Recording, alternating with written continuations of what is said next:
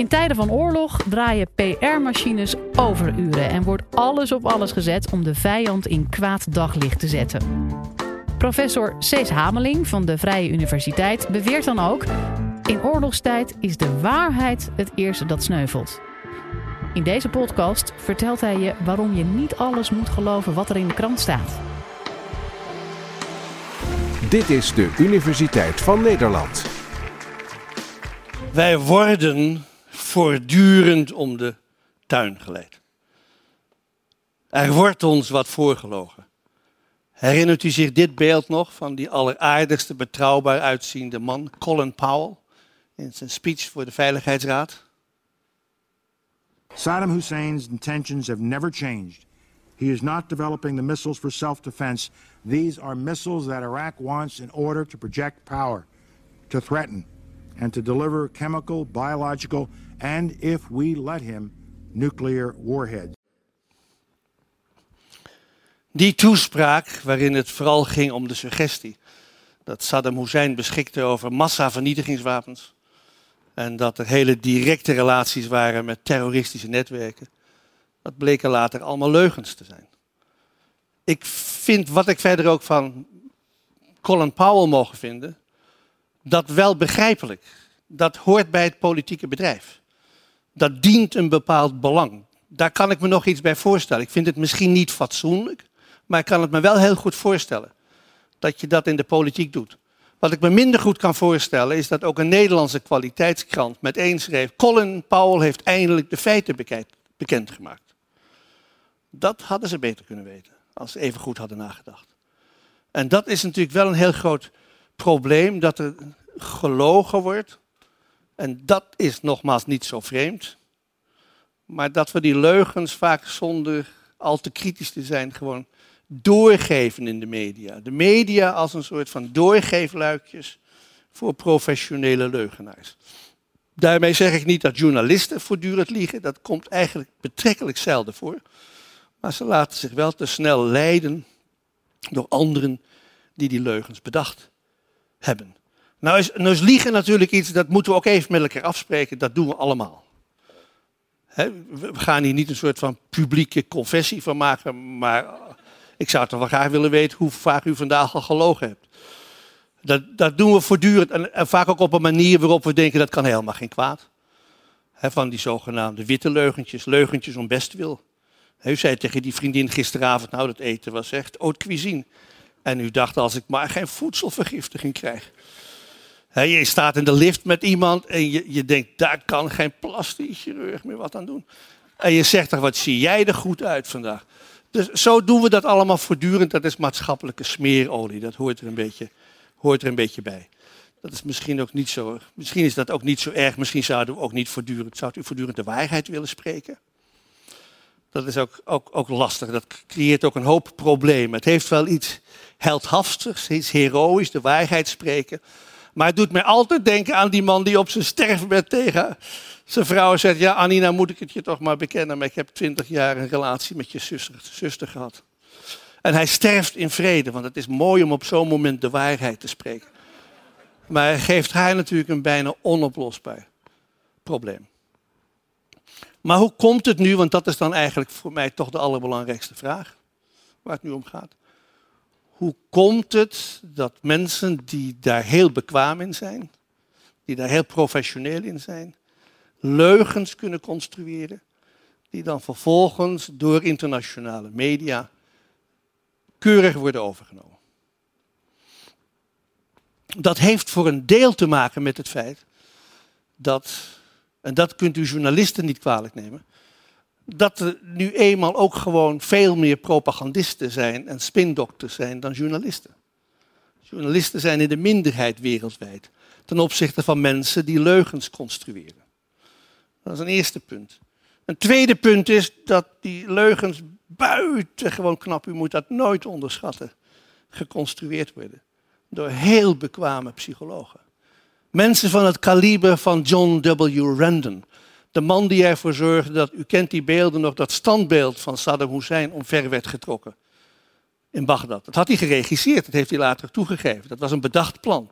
Dat was om indruk te maken, om duidelijk tegen de wereld te zeggen, de dictator is gevallen. Wat een prachtig mediaplaatje. En dan ook nog te suggereren dat daar de hele bevolking van Bagdad bij stond, wat achteraf helemaal niet het geval blijkt te zijn. Maar je gebruikt heel bekwaam dat soort beelden. Of je doet zoals Jamie Shee, de woordvoerder van de NAVO, in het Kosovo-conflict, die op een prachtige manier een grote zaal met journalisten wist te bespelen. En ineens een filmpje laat zien waarin je ziet dat een vliegtuig op een personentrein schiet. Daar komen veel mensen bij om, burgerslachtoffers. Slecht voor de NAVO, slecht voor de PR. Dus je moet er wat aan doen.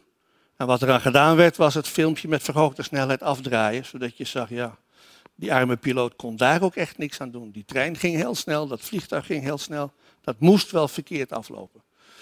Nou, dat soort handigheidjes en bovendien wat je dan doet, en daar zijn die spindokters ook buitengewoon handig in, je gebruikt oerbeelden. Beelden die mensen aanspreken.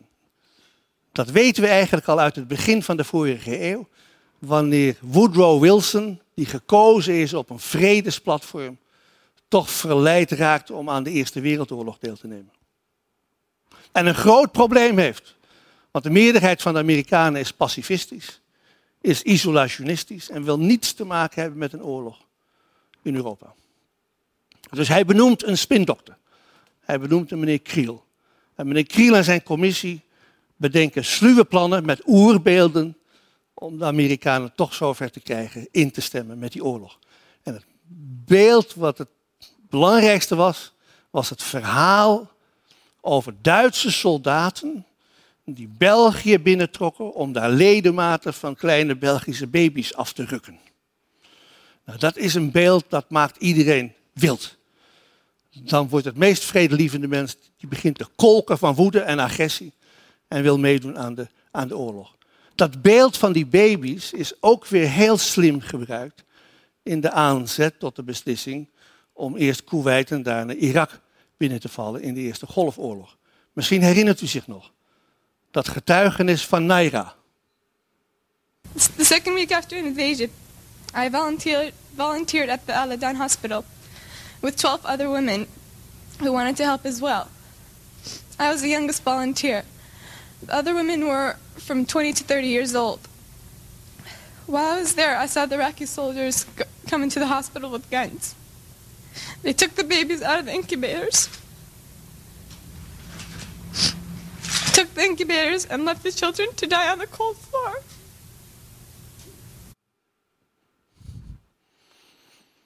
Nou, als dat niet iedereen wild van agressie maakt. Het was allemaal bedacht. Het was allemaal op instructie van het grote PR-kantoor Hill en Knoll toen. Het was allemaal ingestudeerd. Naira was geen verpleegster in uh, Kuwait ziekenhuis. was de dochter van de Kuwaitse ambassadeur. Die de voorzitter was van een groep Kuwaitse citizens voor Free Kuwait. En dat kan ik me allemaal voorstellen. Dat je hebt dan een politiek belang bij het vertellen van een verhaal als gevolg waarvan er ingevallen wordt. Dat geeft een legitimatie aan die inval. Wat minder goed te begrijpen is, is dat dan weer overal in de wereld, de meeste media en ook kwaliteitsmedia, dat verhaal meteen overnemen en het dan vervolgens, zoals dat gaat in de medialogica, het ook elke keer nog een beetje erger maken. Er waren kranten die schreven, ja, dat verhaal van Naira, dat was buitengewoon indrukwekkend, want er waren 52 couveuses en uit 52 couveuses werden alsmaar baby's gegooid. En dan denk je, zou die journalist nou niet even hebben kunnen bellen met Koeweitstad? En daar zitten dokters en dan vraag je gewoon aan zo'n dokter in zo'n ziekenhuis, hoeveel couveuses hebben jullie? Dan had die man gezegd, ja, daar hebben we er twee van. Nou, hoe je 52 baby's uit twee couveuses weet te halen, buitengewoon ingewikkeld. Maar wel knap bedacht. Ook knap bedacht, ik weet niet of u zich die beelden nog herinnert, van die met uh, olie besmeurde vogels in het golfgebied. Dat was ook een zeer indrukwekkend beeld. Want net zoals met baby's en het oerbeeld, zijn dieren ook zo'n oerbeeld. Hè? Want Saddam Hussein deugde sowieso niet. En nou was hij ook nog een dierenterrorist. Nou bleek het achteraf een beetje ingewikkelder te zijn, want die vogels die waren door de olie besmeurd geraakt. Voor een deel omdat de Amerikanen een grote tanker in, in de golf hadden gebombardeerd. Daar kwam die olie vandaan. En voor een deel was er een nog veel merkwaardiger beeld. Dat heeft mij toch ja, woede, maar ook heel veel vreugde verschaft. Het beeld van vogels die er dramatisch uitzien. En die je dus volstrekt ervan overtuigen dat die Saddam Hussein opgehangen moet worden. Totdat een ornitholoog tegen je zegt, weet je wat zo grappig is van die beelden? Die vogels wonen niet in de golf. Die vogels wonen in Alaska. Die komen daar helemaal niet voor. Mooie montage, knap gemaakt. En hoe werkt dat nou?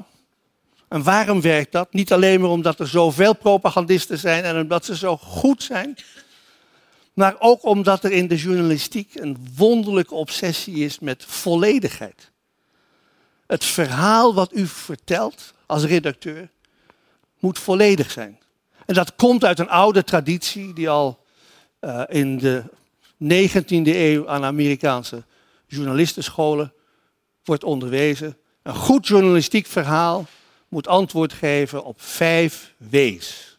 Dan krijg je een mooi objectief verhaal. Wat is er gebeurd? Waar gebeurde het? Wanneer gebeurde het? Wie deed het? En waarom?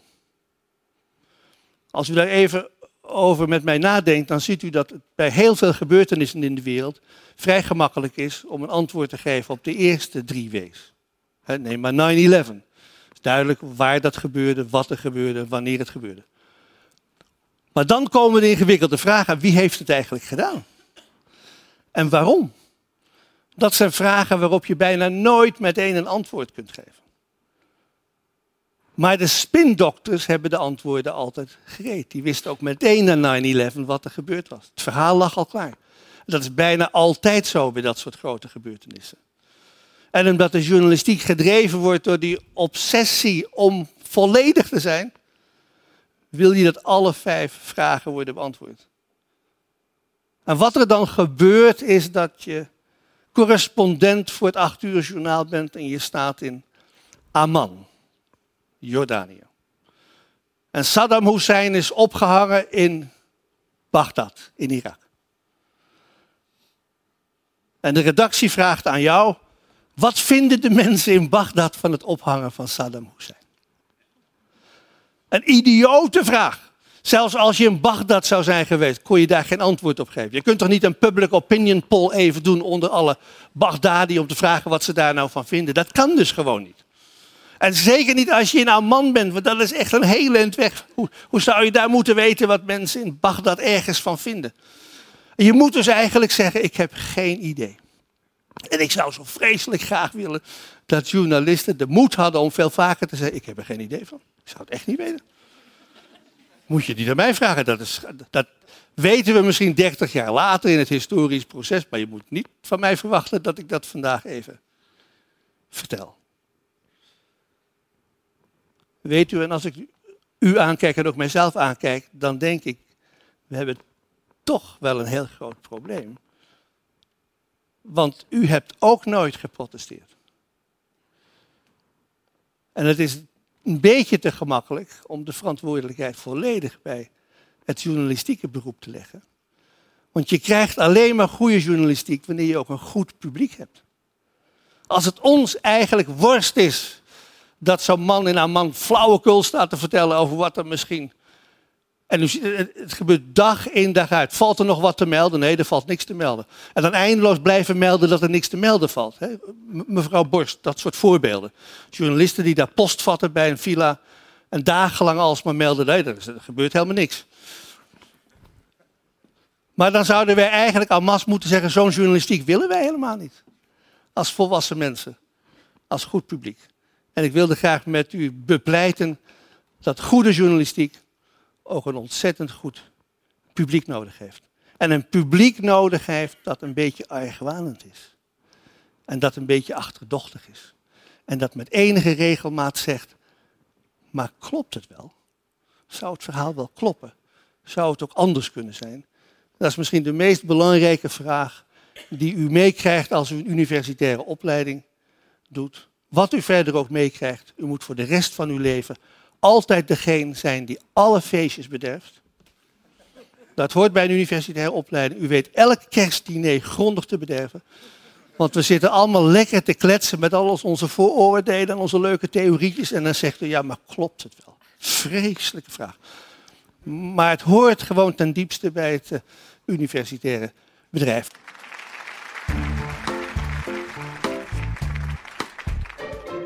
Wil je nou meer afleveringen van de Universiteit van Nederland horen? Check dan de hele playlist en ontdek het antwoord op vele andere vragen.